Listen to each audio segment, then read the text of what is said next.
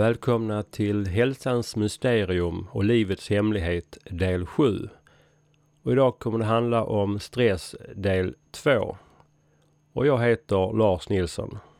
Jag ska börja med att göra en kort sammanfattning av de, av de viktigaste punkterna från del 1. Och det gör jag för att jag har ju själv från början brottats med de här tankarna och funderat mycket med stress och eh, jobbat med mig själv och haft det på kurser. Och det har ju gått mer än 20 år nu eh, med vissa av de här tankegångarna. Så det har ju verkligen blivit en naturlig sak för mig. Men vissa av bitarna eh, kan vara svåra eh, i början att eh, smälta och verkligen landa i. Så jag vill trycka på vissa bitar än en gång eftersom det är så viktigt för fortsättningen. Och eh, det jag sa förra träffen var ju att stress är ju egentligen själva reaktionen som händer av en situation eller händelse. Och den här reaktionen har oftast både en emotionell, fysiologisk, mental och beteendekomponent. Där några av komponenterna ibland kan vara starkare än de andra men oftast kan man se att alla fyra komponenterna är representerade. Men kärnan i detta, det som orsakar och själva skapar den här reaktionen och själva stressen. Det är inte stimulit i sig utan det är hur vi själva, varje individ, tolkar och uppfattar det här stimulit. Oftast omedvetet. Så det innebär att det är inte datorn som krånglar eller vädret eller vad en annan person säger eller gör eller en annan situation som händer. Det är ju inte det som egentligen skapar stressen. Utan det är hur vi tolkar det som händer. Och enligt den här stimuli responsmodellen som jag började gå igenom förra gången så kunde man ju se på den bilden som ligger på min hemsida amixe.se att det finns framförallt tre ställen att hantera livet eller stressen på. Och jag har valt att kalla det för en allmängiltig modell bara för att det handlar inte bara om stress. Men när det är en stressreaktion då blir det ju en, en stressmodell. Men man kan tänka lite bredare. Men det finns då tre ställen där man kan påverka sitt liv och sin stress. Det första, det var ju själva stimulit som jag pratade om förra gången. Naturligtvis är det så, hade inte stimulit varit där så hade inte just den stressreaktionen kommit. Hade inte datorn krånglat, hade vädret blivit som jag hade förväntat mig, hade inte personen sagt eller gjort så och hade inte det där andra hänt. Visst, då hade inte just den stressreaktionen kommit. Så, så därför är det ju väldigt lätt att luras av det här att det är stimulits fel. Det är det som är orsaken. För hade det plockats bort så hade inte det hänt. Men det är där vi, de flesta lurar sig själva. För att hade inte det hänt så hade någonting annat hänt. Och då målar man in sig i ett hörn. För själva livet det är ju en massa situationer som händer oavbrutet. Det ena avlöser det andra. Och är det stimulet som är där fel på det skulle vi i princip behöva plocka bort väldigt mycket. Eh, så det gäller att inse att eh, många stimuli kan vi inte påverka. Men om nu någonting har hänt och vi har reagerat på det. Då har vi en reaktion. Och nästa steg är att hantera den här reaktionen. Men det viktigaste steget det är, ja alla tre stegen naturligtvis viktigare, men det man framförallt pratar om det är det som jag namngav till nummer två i modellen. Nämligen hur vi kan påverka och förändra vår perception, alltså hur vi hanterar det som händer. Och detta har ju många pratat om tidigare. Ett av eh, ordspråken som jag tog upp förra gången var att vi kan inte hindra sorgens fåglar från att flyga över vårt huvud. Men vi kan hindra dem från att bygga bo. Eh, så det är det mycket av eh, stresshanteringen kommer att handla om eh, i de kommande avsnitten. Hur kan vi göra så att det som händer inte bygger bo? Det är ett sätt att uttrycka det på. För det som är intressant, det är ju att om man befinner sig i nuet och uppmärksammar det som sker utan att analysera det, utan tankar, utan bara se det som det är, utan etiketter och värderingar, då bildas inte den här reaktionen. Alltså ingen stress skapas. Så ett av målen med den här podcastserien det är just peka på just den här möjligheten som finns. Och jag säger möjlighet för att eh, detta är ingenting som vi får lära oss i vår kultur. Ordspråken finns där men jag tror inte så många egentligen eh, har gått in så mycket mer i det. Vi lär oss inte i skolan denna viktiga livsfärdighet att hantera det som händer. Inte på det sättet som jag pratar om här. Så jag hoppas framöver att detta kommer att bli mer och mer i vår kultur. Så det finns ju väldigt många klatschiga uttryck.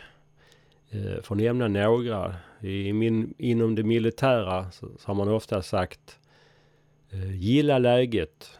Och det finns också det här klatschiga. Det viktiga är inte hur man har det utan hur man tar det. Och det ligger ju väldigt mycket sanning i det här. Men om man inte kan veta hur man ska hantera det och hur man ska gilla det så blir det ju väldigt fel.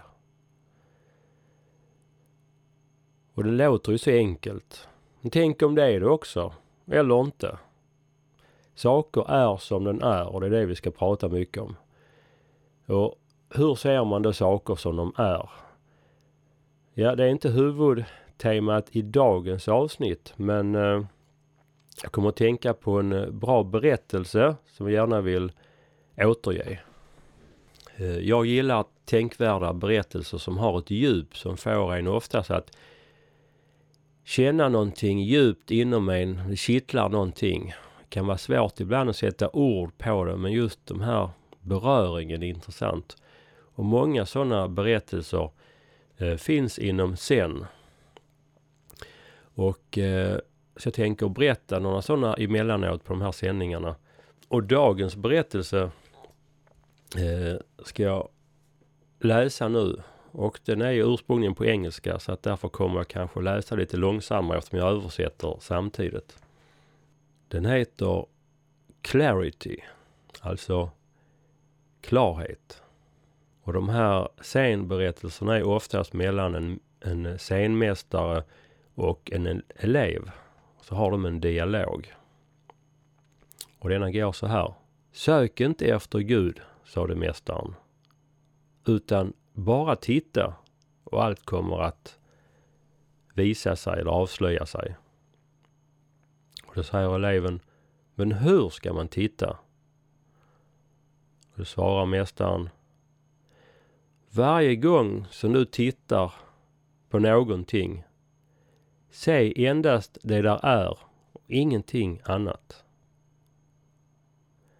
Eleven tyckte att det här var lite otydligt så att han bad mästaren att han kunde vara lite tydligare. Och det svarade mästaren. Till exempel, när du tittar på månen, se bara månen och ingenting annat. Jamen, sa eleven, vad skulle jag annars se på förutom månen när jag tittar på månen? Och det svarade mästaren. Ja, till exempel en hungrig person skulle kunna se en stor ost. Och en som är förälskad skulle kunna se ansiktet på den den älskar. Så det här att bara se vad det är utan etiketter. Det är viktigt. Och det är någonting ni kan börja träna på redan nu. Försök bara se saker utan värdera och döma.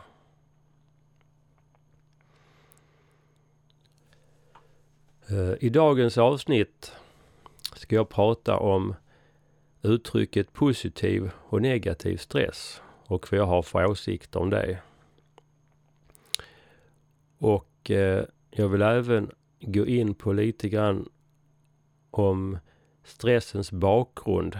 Om forskaren Hans Selje som eh, forskade om stress på 40-talet, lite vad han kom fram till. Eh, och för att kunna förstå hur stressen kan påverka vår hälsa negativt och positivt. Och eh, för att förstå hur jag tycker det är bra att förklara eh, vad positiv stress är, om man nu ska använda det uttrycket. Det är ju inte en självklarhet. Men eh, eftersom det är ett uttryck som används tycker jag att det kan vara bra att sätta det på kartan. Och då har jag en, modell och en bild för det. Men för att förstå det så behöver man förstå vårt nervsystem. Därför börjar jag med att gå igenom vårt nervsystem. Jag kommer även lägga ut bilder på det jag pratar om nu så att det blir lättare att hänga med. Så att ni som kan och har möjlighet är det inte fel att titta på bilderna samtidigt. Men jag kommer även göra en sammanfattande text under bilderna så att när ni har hört den här podcasten så ska ni kunna repetera genom att gå igenom bilderna och där se de viktigaste sakerna för att mer kunna jobba med det här. Och eh, nervsystemet då, som vi har i vår kropp, det är ett av våra viktiga reglersystem. De andra, kanske två viktigaste reglersystemen, det är immunsystemet och det endokrina systemet. Om jag ska säga något kort om det endokrina systemet så är ju endokrina systemet eh, flera stycken organ som då utsöndrar hormoner i blodbanan. Och eh, till det endokrina systemet räknar man sköldkörteln, binjurarna, bukspottkörteln, eh, könskörtlarna och hypofysen. Och hypofysen är nog den viktigaste delen av det endokrina systemet. Och hypofysen finns ju i hjärnan och eh, utsöndrar hormoner utifrån känslomässiga förändringar. Och eh, den reglerar viktiga aktiviteter i bland annat sköldkörteln och binjurarna och i könskörtlarna. Och den producerar själv också hormoner som är viktiga i eh, både för tillväxten men också eh, för annan reglering till exempel för att sköldkörteln eh, ska stimuleras och producera sköldkörtelhormon och sen även för binjurarna ska producera hormoner. Och just i binjurarna produceras ju de viktiga stresshormonerna adrenalin och kortison. Och som jag visade en bild på i tidigare avsnitt så de här tre systemen de påverkar varandra ömsesidigt. Så en obalans i det ena kan ju påverka det andra. Men just för dagens avsnitt och för att förstå stressen så vill jag gå igenom då nervsystemet lite mer. Nervsystemet indelas i det centrala nervsystemet och det perifera nervsystemet. Och det centrala nervsystemet det är alltså hjärnan och ryggmärgen. Och från då hjärnan och ryggmärgen går det ju massa nervtrådar ut till resten av kroppen. För att kunna ha en trådkommunikation så att säga. Via nerverna. Och alla de här nerverna som då går ut från hjärnan och ryggmärgen, det kallas då för det perifera nervsystemet, alltså det yttre nervsystemet. Och det här yttre nervsystemet, det indelas då i sin tur i den delen som vi kan påverka viljemässigt och det är framförallt musklerna. Och det heter det somatiska eller det kroppsliga nervsystemet. Och det är framförallt att vi kan höja och sänka arm och ben medvetet. Och motsatsen då till det viljestyrda, det blir ju då det ej viljestyrda. Och det kallas då för det autonoma nervsystemet. Och det tror jag nog många har hört tidigare, det autonoma nervsystemet. Det heter så för att man från början trodde att man inte kunde påverka det medvetet. Och framförallt för att det styr sig själv. Det reglerar ju blodtrycket, eh, allt som görs automatiskt. Vi behöver inte tänka på det görs av sig själv. Men som jag pratat tidigare så kan vi gå in och påverka det med alternativa kontrollsystem. Med våra tankar och bilder och känslor så kan vi indirekt påverka det. Om vi vill ha ett speciellt påverkan på ett speciellt sätt. Men det här då autonoma nervsystemet, det slutligen delas då in i det sympatiska och parasympatiska nervsystemet. Och det är det här som är så viktigt att förstå för att förstå stressen och vad som händer i vår kropp. Det sympatiska nervsystemet, det är det som man kan kalla för gasen. Här sker aktiveringen. Det förbereder kroppen för aktivitet och för att springa och för att slåss och kämpa. Och arbeta. Medan det parasympatiska nervsystemet, det är motsatsen. Man kan säga bromsen. Det är här som vi ska återhämta oss och reparera oss. Tittar vi närmare på det och nästa bild som jag har om detta så ser man just att det är som ett vågskepp. Att de är varandras motsatser, sympatisk och parasympaticus. Men där det ska hela tiden vara en balans emellan dem och de samarbetar hela tiden. För båda två är jätteviktiga. Vi behöver sympaticus för vår överlevnad. Vi måste kunna aktivera oss för att kunna arbeta, för att kunna eh, försvara oss, för att kunna fly och så vidare. Eller om man tänker på detta sättet så är det lätt att förstå vad som då kroppen gör för att kunna verkställa detta. Så vad som händer fysiologiskt i vår kropp. Ja, för att kunna då arbeta och springa och fly och försvara oss. Då är det ju musklerna som är så viktiga. Vi måste kunna använda och jobba med musklerna. Och vad musklerna behöver det är ju syre och näring. Och för att de ska få syre då måste ju lungorna få in mer syre. Så det första som händer under sympaticusaktivering är ju att luftrören vidgas och hjärtat börjar jobba snabbare. Både jobbar snabbare och slår hårdare så pulsen och blodtrycket går upp för att kunna cirkulera runt mer syre i blodet till musklerna men även, även näringsämnen. Och näringsämnena det är de som redan finns smälta hos oss. Och då finns det ju väldigt korta depåer av socker i, eh, i musklerna. Utan de lagras framförallt i levern. Så att där puts, putsas då ut socker i blodbanan så att stressen eh, eller den här aktiveringen gör att blodsockret höjs i blodet.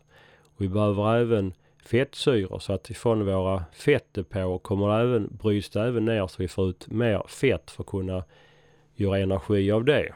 Om det är lite längre aktivering.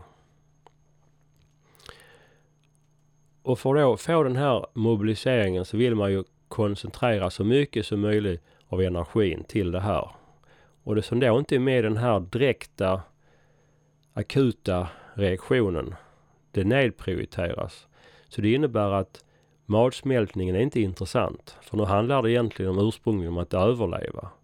Och då är inte tid med smälta mat. Utan man får nöja sig med det som är energidepåer som redan finns färdiga i kroppen. Så matsmältningen och tarmmotoriken den bromsas ner. Liksom immunförsvaret som tar rätt så mycket energi, det bromsas också ner till viss del. Och motsatsen kan man säga, förenklat, händer ju under avslappning under parasympaticus när vi varvar ner och bromsen går på. Då drar luftrören ihop sig för vi behöver inte så mycket luft längre. Hjärtat jobbar långsammare och med mindre kraft så pulsen och blodtrycket går ner. Andningen går ner, mindre syrebehov. Och det är nu som vi ska bygga upp kroppen och reparera oss ifall vi har fått några skador eller för bara för att växa. Och, och musklerna ska växa och de blir blivit stimulerade. Och då är det ju viktigt naturligtvis med näring igen. Och då så har vi ju optimal nedbrytning i ämnesomsättningen. Eh, och matsmältningen fungerar. Och immunförsvaret går på. Och jag har också tidigare pratat om när man ser på det här med stress, om man pratar om stress, att man måste hela tiden ta hänsyn till just frekvensen, intensiteten och durationen. Alltså hur länge sitter aktiveringen i? Vilken intensitet är det och hur ofta kommer den? Aktivering under kortare tider och inte så ofta, det är ju inget konstigt. Det är ju vad som händer när vi tränar och tar i lite mer. Men vi kan ju se nu här utifrån vad vi har pratat om att skulle den här aktiveringen sitta i under lång tid så ser man då också vilka problem det kan skapa i kroppen. Nämligen högt blodtryck och det är många som har problem med magen och vi vet ju att eh, man, fungerar inte magen som ska man söker läkaren så görs ju en utredning för att kolla att det inte är något, någon sjukdom, någonting skadligt. Och oftast hittar man ju inget fel egentligen ja. Och då får man ju den här diagnosen IBS. Eh, och bakom den tror jag ofta att det kan ligga eh, långvarig stress eftersom matsmältning fungerar inte som ska om man är långvarigt stressad. Det är därför det blir så viktigt ta de här pauserna på jobbet. Att verkligen eh, ta sin lunchrast, kunna sitta ner en stund, eh, koppla av och äta. Och här ser man ju tyvärr ibland att då ska ju det hinnas med att göra ärende på stan eh, och det prioriteras högre än att äta och så blir det att man snabbt slänger i sig maten. Eh, och då hinner man inte som sagt gå ner i varv. Och har man då sprungit på stan så kanske man till och med har högre puls när man kommer tillbaka efter lunchen än vad man hade innan. Så det gäller ju att vara medveten om detta och verkligen eh, ta de möjligheter som fås för att få den här balansen. Man ser också här och kan för, förstå konsekvenserna av långvarig kortisonbehandling. Där det har en känd biverkan att eh, skelettet urkalkas ju. Så har man långvarig stress så kommer också det inte kunna ske uppbyggnaden av eh, kalcium i skelettet. För det är också vad som händer när man kopplar av då så tar ju kroppen upp kalciumen igen. Så man behöver inte så hög koncentration i blodet. En annan sak som händer under aktivering som jag inte nämnde. Det är ju att för att då musklerna ska kunna göra det här arbetet och kunna göra den här kontraktionen, sammandragningen i muskeln. Då behövs det bland annat kalcium. Och kalcium finns ju i depåer i vårt skelett. För skelettet är ju uppbyggt av kalcium kan man säga. Så därför under stressen på samma sätt som kortisonet då gör så det kommer ut fettsyror och socker i blodbanan så gör det även så att skelettet långsamt eller släpper ifrån sig och höjer koncentrationen av kalcium i blodbanan. Så får det här också hålla på för länge så sker den här urkalkningen av skelettet. Vilket på lång sikt kan leda till ökad risk för benbrott och, och benskörhet. Det är därför som man ger kalciumtillskott vid de som använder kortison under längre tid. Och eftersom långvarig stress också leder till en obalans mellan sympatikus och parasympatikus så kommer den här obalansen i autonoma nervsystemet också då kunna påverka de andra reglersystemen. Och då har vi bland annat immunförsvaret som man har sett kan minska och eh, det finns ju också en koppling man har sett mellan stress och sköldkörtelstörningar. Och det är också någonting som är vanligt idag. Att det är många som har störningar på sköldkörteln. Som är kroppens eh, styrning av eh, ämnesomsättningen.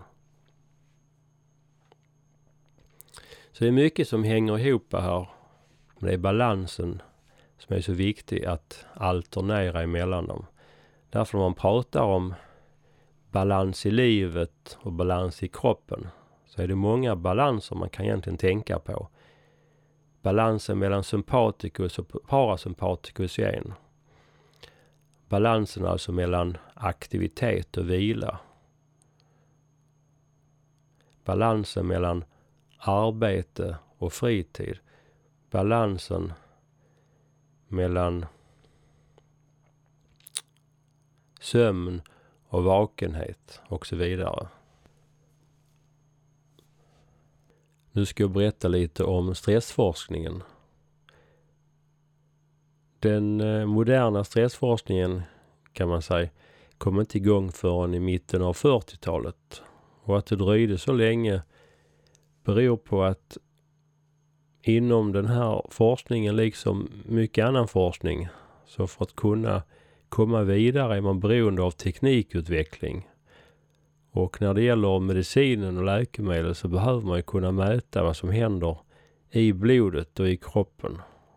Och det var först för den här tiden som man började få lite mer avancerad mätinstrument för att kunna mäta olika ämnen i blodet.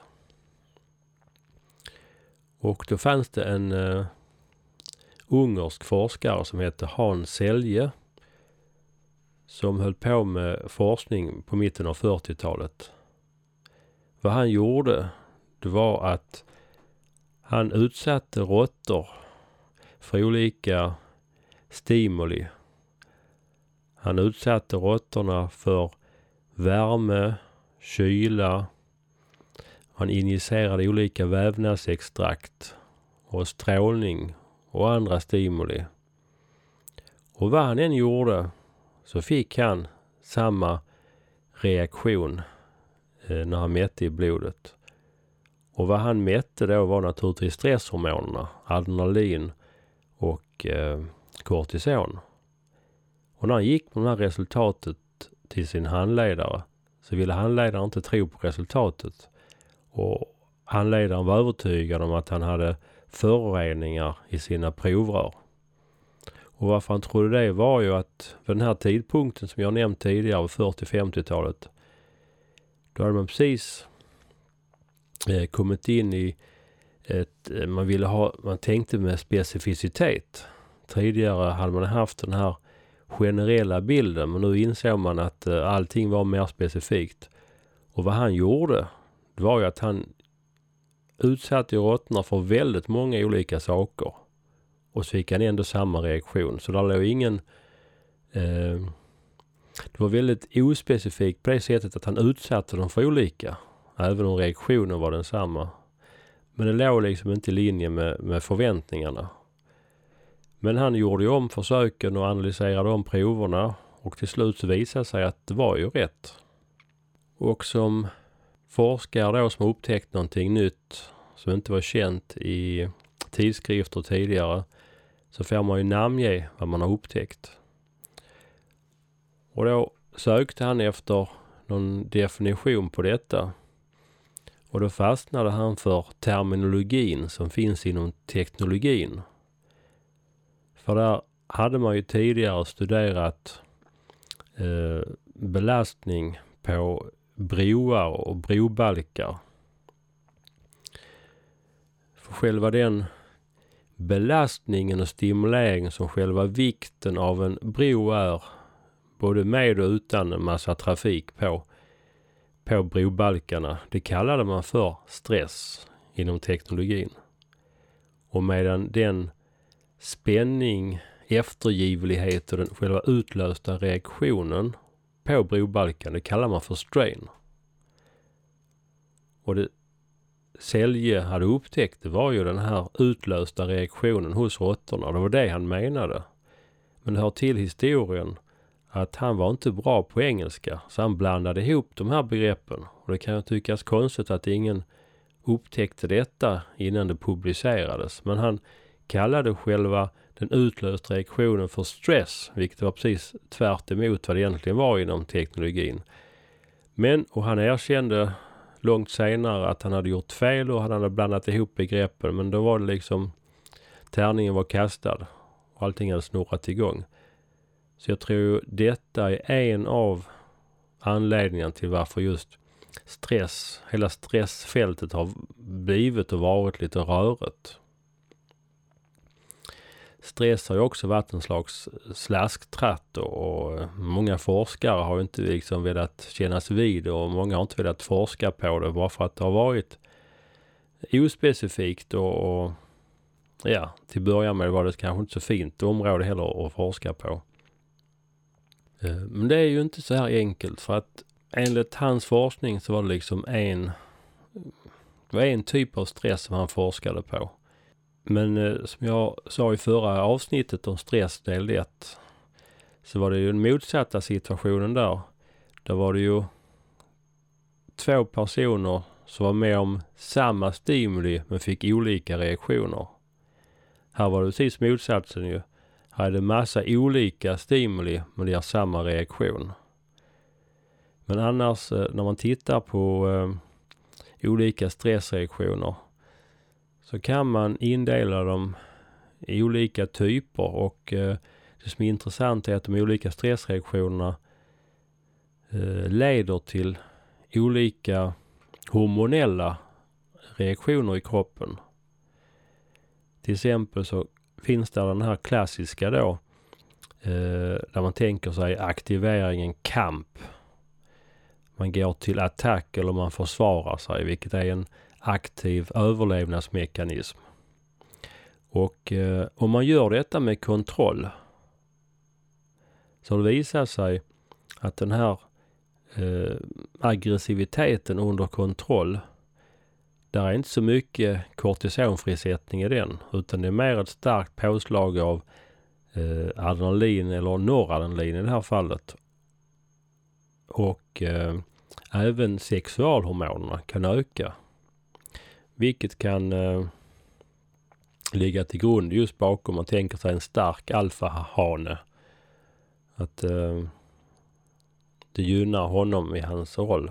Och just kontroll, det är ju eh, ett viktigt begrepp inom stressforskningen.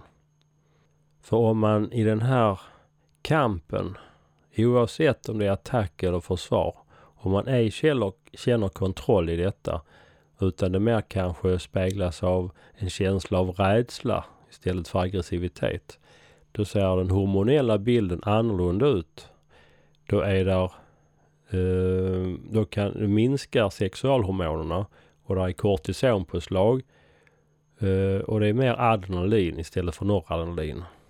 Och eh, på samma sätt så kan ju en annan typ av försvarsreaktion vara flykt. Och den kan ju också ske med en känsla av kontroll eller ej kontroll. Men den kanske farligaste stressreaktionen det är en passiv överlevnadsmekanism som mer handlar om uppgivenhet. För här ser man att här har man den högsta nivån av kortison och immunförsvaret eh, går ner och eh, blodtrycket går upp. Trots att man inte är aktiv på det sättet som man är i de andra reaktionerna. Så det här är inte så enkelt. Sen kan det finnas naturligtvis blandningar av de här. Och här kan man verkligen tänka att eh, en råtta som sitter i en bur och blir utsatt för sådana här saker. Eh, den har verkligen brist på kontroll och den kan ju inte eh, fly. Så att eh, den rädslan går väl antagligen över i någon slags kanske känsla av hopplöshet, uppgivenhet. Och jag har läst om försök där man just har satt ihop två dominanta hanar i en trång bur eh, av råttor och eh, då kommer en av dem bli dominant över den andra och den andra kommer gå in i en form av uppgivenhetsreaktion med enorma halter eh, kortisonpåslag. Och det djuret åldras otroligt fort. Och det kan eh, dö efter, jag kommer inte ihåg exakt om det var da dagar eller veckor, men betydligt snabbare. Och när man sen obducerar det djuret så ser organen ut på likadant som en råtta som har självdött ett par år senare. Så det här är lite skrämmande som visar just hur stark stress kan åldra oss. Men då får vi tänka på att just det här experimenten med, med råttorna, det är ju en extrem situation. Hur kom jag då in på det här med stress? Ja, det var ju när jag läste den här kursen som jag berättade om på första avsnittet. Att eh, jag gick en kurs på eh, mitten, slutet av 90-talet eh, som hette personlig utveckling genom mental träning på Skandinaviska ledarhögskolan i Örebro. Och där i ett av de tio momenten på den här distanskursen ingick just eh, stress. Och då skulle man läsa några böcker och titta på några timmars video och sen skriva ett PM om detta. Och där kommer jag ihåg vad som satt i skruv i mig i detta. Dels så tyckte jag att stress var intressant för att som apotekare var där ju det var ju mycket fysiologi och då eh, psykologi, mental träning blandat. Och just den kopplingen var intressant, att fysiologin kom till. Och sen pratas det mycket om stress redan då. Och eh, det har alltid varit aktuellt tycker jag om man har pratat om stress. Och det är någonting alla kan relatera till på ett eller annat sätt. Men det som var intressant var att eh, det var ett videoinslag Eh, där fanns en föreläsare som jag tror hette Garfield. Och eh, när man börjar se filmen, för att vara ett kort klipp, så hade han lyckats på något sätt eh, entusiasmera och jaga upp publiken så där, på ett sånt där typiskt amerikanskt sätt man har sett ibland. Och då ställer han eh, den förlösande frågan till publiken. Och det här var en riktigt stor publik på många hundra personer. Vill ni bli stressfria i ert liv? Varpå publiken ställer sig upp och skriker Ja, det vill vi! Och då bara lutar han sig fram mot mikrofonen och säger lugnt. Det kan ni glömma för den är döda. Och så blir det alldeles tyst. För vad han menade, det var att allting är stress. Han, han sa det att även en människa som är avsvimmad och ligger ner, den andas och det är där spänningar i bröstkorgen. Och då finns där en form av stress. Och det kände jag bara, nej men så här, det här köper jag inte. För med en sån här bred definition att allting är stress, då, då kändes det att det blev väldigt otydligt um, och rörigt. För att uh, jag tänkte ju på det jag hade kommit i kontakt med själv tidigare och där har man alltid pratat om stress ofta som något negativt. Och när jag nu börjar tänka på vad jag läste i artiklar och så vidare så inser jag att här blandar du alla författare ihop det här hela tiden. För att oftast menar man då att stressen är negativ. Men man benämner det bara stress. Och sen helt plötsligt så är stressen positivt. Um, och där kände jag att det var ingen konsekvens i det här. Uh, om nu det är så här att man väljer att ha en definition där allting är stress. Då måste man ju prata om vad som är positiv stress och negativ stress och hålla sig till de begreppen hela tiden. Då kan man inte bara prata om stress och mena att den är negativt i en del av artikeln och sen börja prata om positiv stress sedan. Eh, så tänk på det själv när ni hör prata om det. Jag kommer säkert också ibland kunna eh, säga fel för att det är rörigt. Men jag kommer ihåg att uh, jag köpte inte det här och började fundera på men hur ser vi på begreppet, hur används det och hur skulle jag kunna eh, belysa detta på ett annat sätt? För jag tänkte ju själv på att jag eh, tänkte själv till exempel att när jag ger mig ut en lördag morgon på sommaren när jag är ledig innan frukosten och ska göra en, en liten motionsrunda i motionsspåret. Då här i Ystad finns det ju en härlig liten eh, ställe som heter Sandskogen.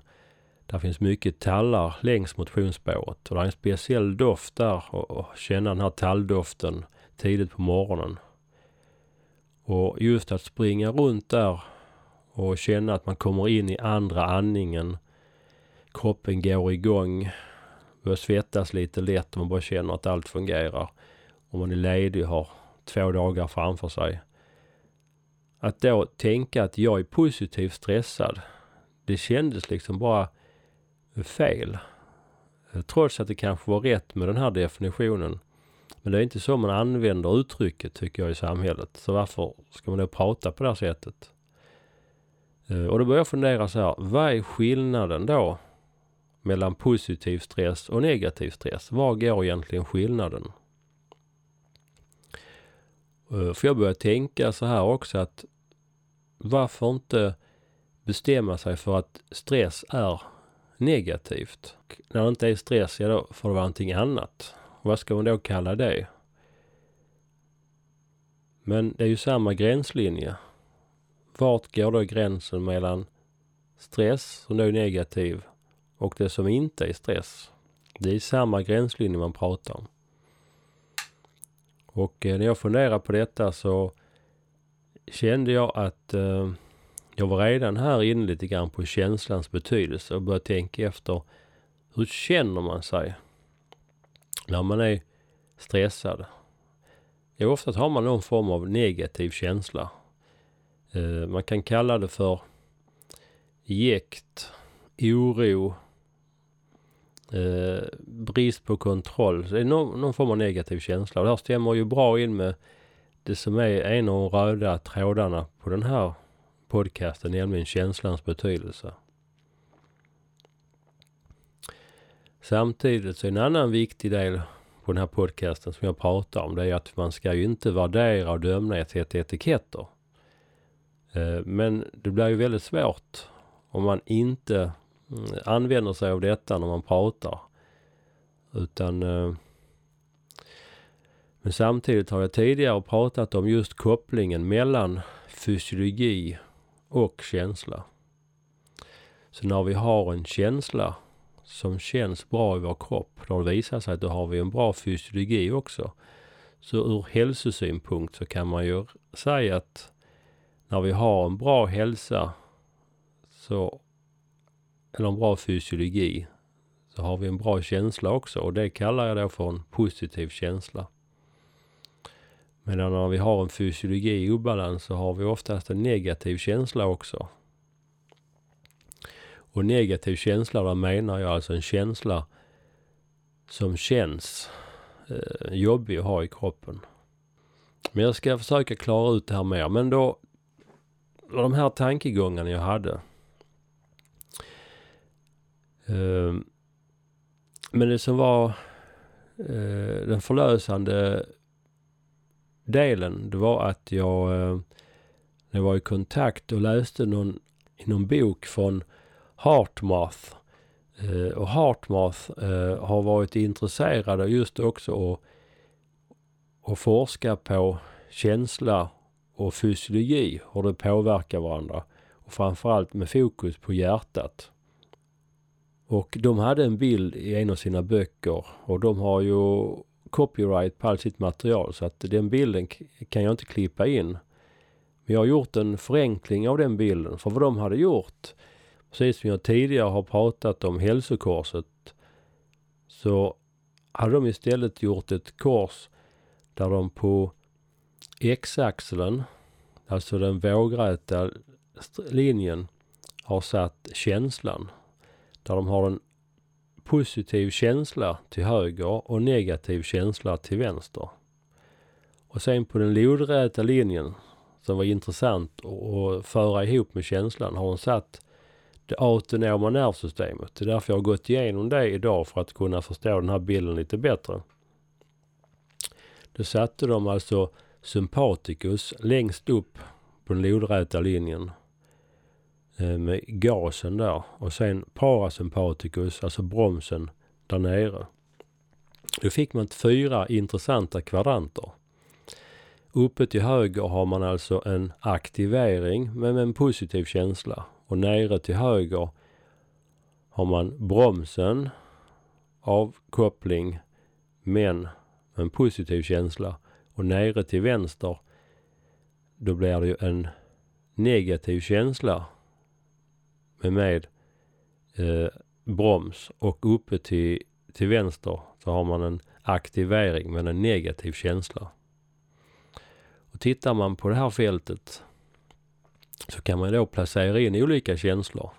Vissa känslor är lite svåra för de kan liksom komma i gränslandet mellan eh, aktivering och inte aktivering. Men ofta så kan vi nog vara ganska en, enade om vad som är en positiv och negativ känsla. Om man nu ska värdera. Det behöver man göra ibland för att kunna ha en kommunikation i språket. Och då kommer naturligtvis positiv stress upp i den högra kvadranten. För man egentligen menar, som jag säger med positiv stress, det är ju en aktivering. Att man är motiverad, man är tänd. Eh, man är på G och gör någonting. Och, eh, och negativ stress då, om vi nu ska använda oss av de uttrycken, det blir ju den vänstra kvadranten, båda två, där uppe och där nere. Och om man nu använder sig naturligtvis av att allt är stress, ja då kommer naturligtvis den högra nedre kvadranten också bli positiv stress. Men jag som sagt tycker egentligen inte om att använda uttrycket positiv stress utan jag vill hellre kalla att man är motiverad och tänd. Och det är känslan som avgör. Och när man då använder uttrycket stress, då menar jag själv, som jag tänker, att det är den negativa biten. Då är man på den vänstra kvadranten med en eh, negativ känsla och eh, med eller utan en aktivering. Och tänk på det att den farligaste stressen den är alltså nere i den vänstra kvadranten. Det är där vi har uppgivenhet, resignation. Och här kommer ju också eh, depression och nedstämdhet. Medan ilska och, och, och vara arg, det kommer med aktivering där uppe i den vänstra kvadranten. Ni kan ju själv tänka efter. eh, tycker ni själva att ni har en behaglig eller skön känsla i er kropp när ni är stressade? Jag tror inte det är många som kan hålla med om det. Och då kommer vi in på en annan spännande bit som jag ska fördjupa mig mer i också framöver, nämligen känslans betydelse i form av feedback. Um, våra känslor ger oss hela tiden information. Och eh, känslan är ju en avspegling dels av våra tankar men också av vår fysiologi. Så genom att vara observanta på våra känslor och våra eh, vad som händer i kroppen så får vi ju information om vad som händer. Och det är extra viktigt nu när vi vet att känslan är kopplad till fysiologin. Så har vi negativ känsla så har vi ingen, så har vi ingen positiv fysiologi heller. Men i det här sammanhanget så är det viktigt att ta in det jag pratade också om förra avsnittet att det handlar naturligtvis om intensitet, frekvens och duration. Alltså det, det som är det viktiga det är alltså hur länge sitter det här i känslan? Och hur intensiv är det? Hur ofta kommer den? För alla känslor är viktiga. Eh, jag vill inte vara utan negativa känslor, om man ska kalla dem det. För det är viktig information. Jag skulle inte vilja ta en tablett eller göra någon form av eh, emotionell kastrering som gör att jag inte kan uppleva negativa känslor. För det är jättebra att jag kan bli, få information när jag är irriterad, besviken och ledsen. För då kan man göra någonting åt det och jobba sig därifrån. Men man ska inte stanna kvar i det och eh, på något sätt gotta sig i det eller försvara sig med att stanna kvar i det. Så det är en helt annan sak att man hamnar i en spiral som man själv inte klarar att ta sig ur. Men eh, då kan man behöva kanske professionell hjälp. Men det är ändå viktigt att veta att hur viktiga känslan är och hur känslan påverkar oss. Så med den här bilden kan man också se uh, hur man ska försöka leva livet, nämligen att befinna sig i den högra kvadranten. De högra två kvadranterna och pendla där upp och ner i balansen mellan aktivering och avkoppling och uh, lugn under prestation och att göra saker. Och att försöka ha så mycket kontroll som möjligt över sin tillvaro. Och precis som livet så ibland så hamnar man i de vänstra två kvadranterna. Och det är inget konstigt med det och då försöker man naturligtvis att göra någonting för att komma tillbaka. Och det ska vi ju prata mer om hur man gör detta i de kommande avsnitten.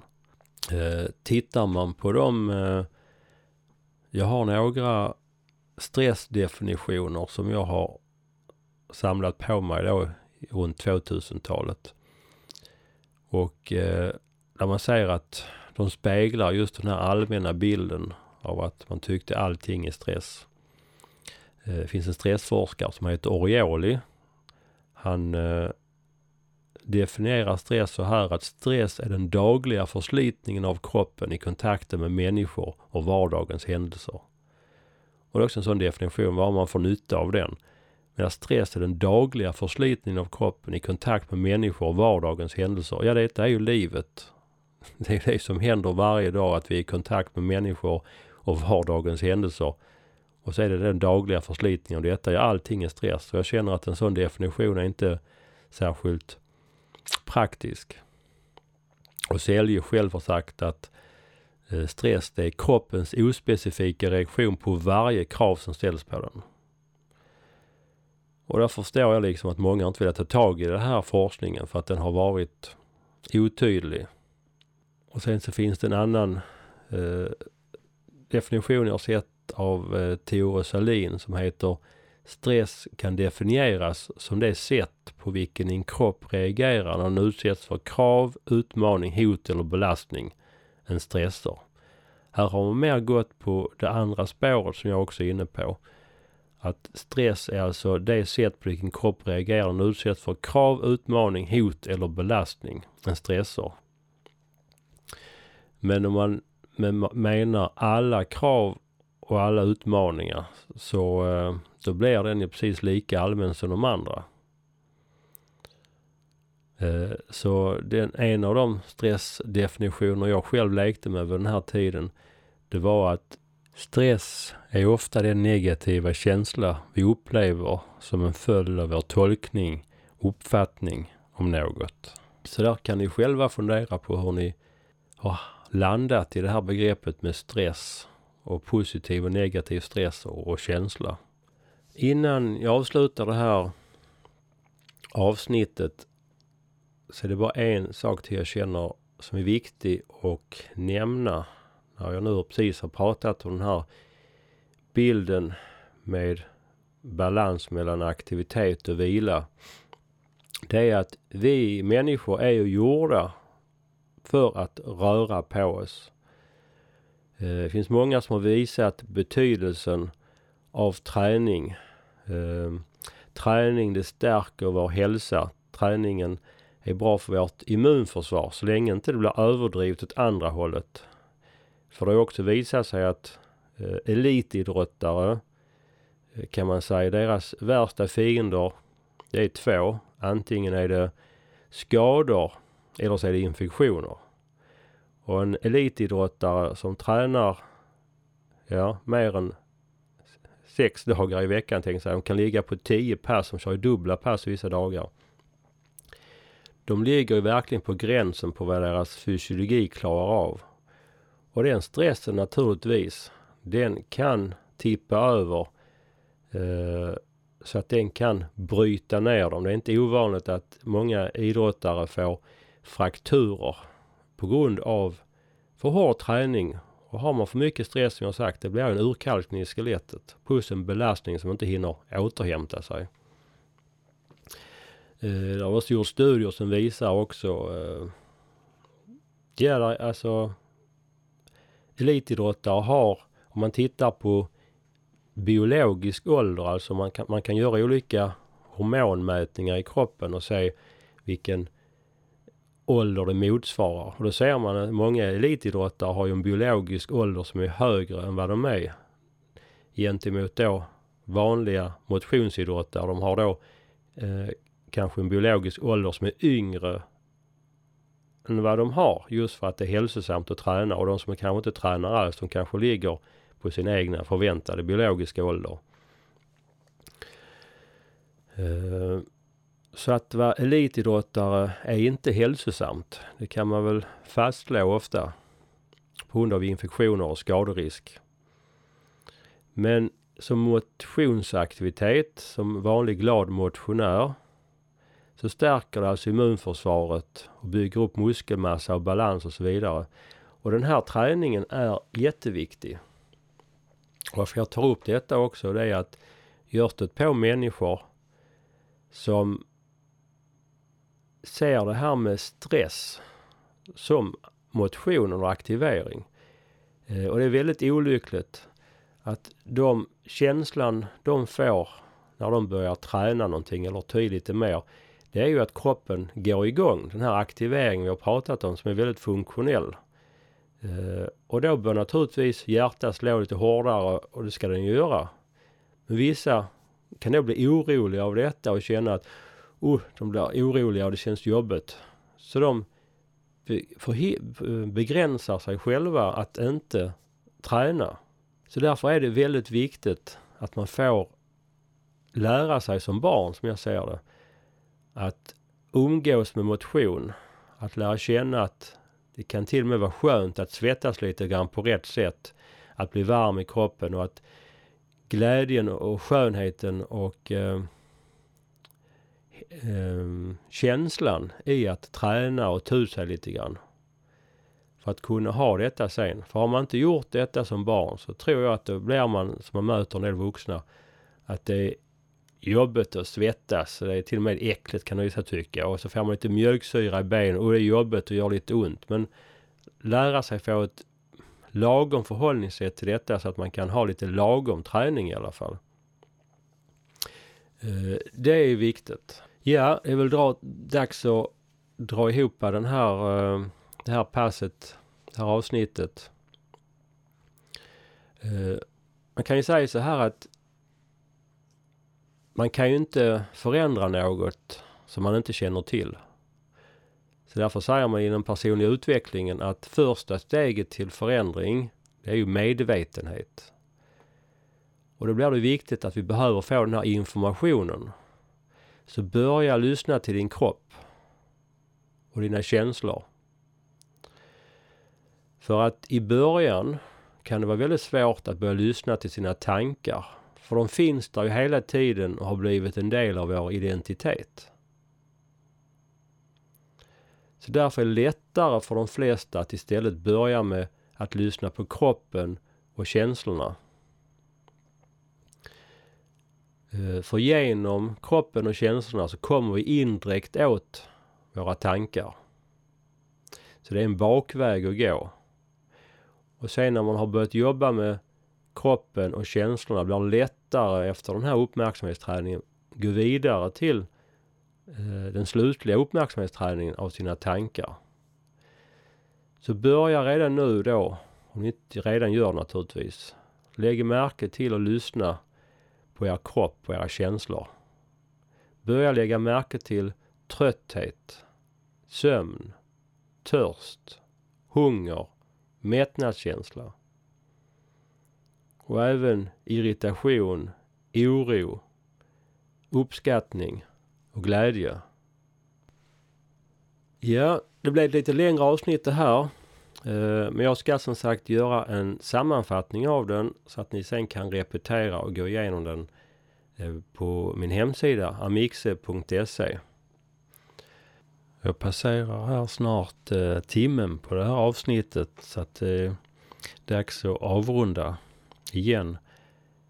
Men eh, jag skulle vilja be er att eh, titta och fundera lite extra på just den här bilden med känslan i förhållande till gas och broms.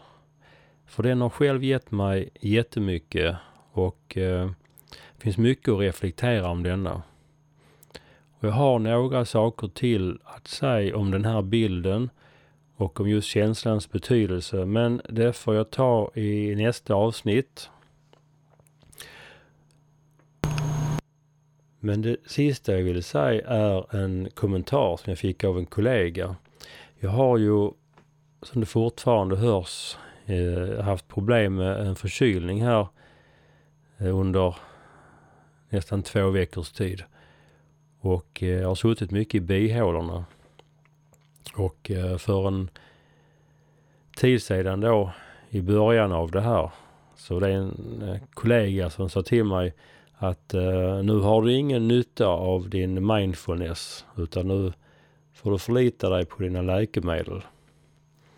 Och visst, det ena utesluter inte det andra.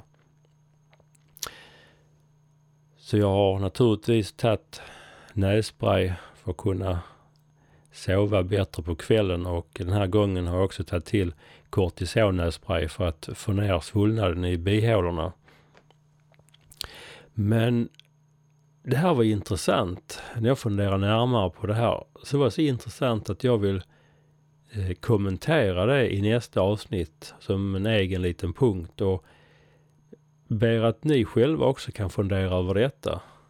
Nämligen, vad har man för nytta av att träna sig i att ha ett inre lugn när man väl har blivit sjuk?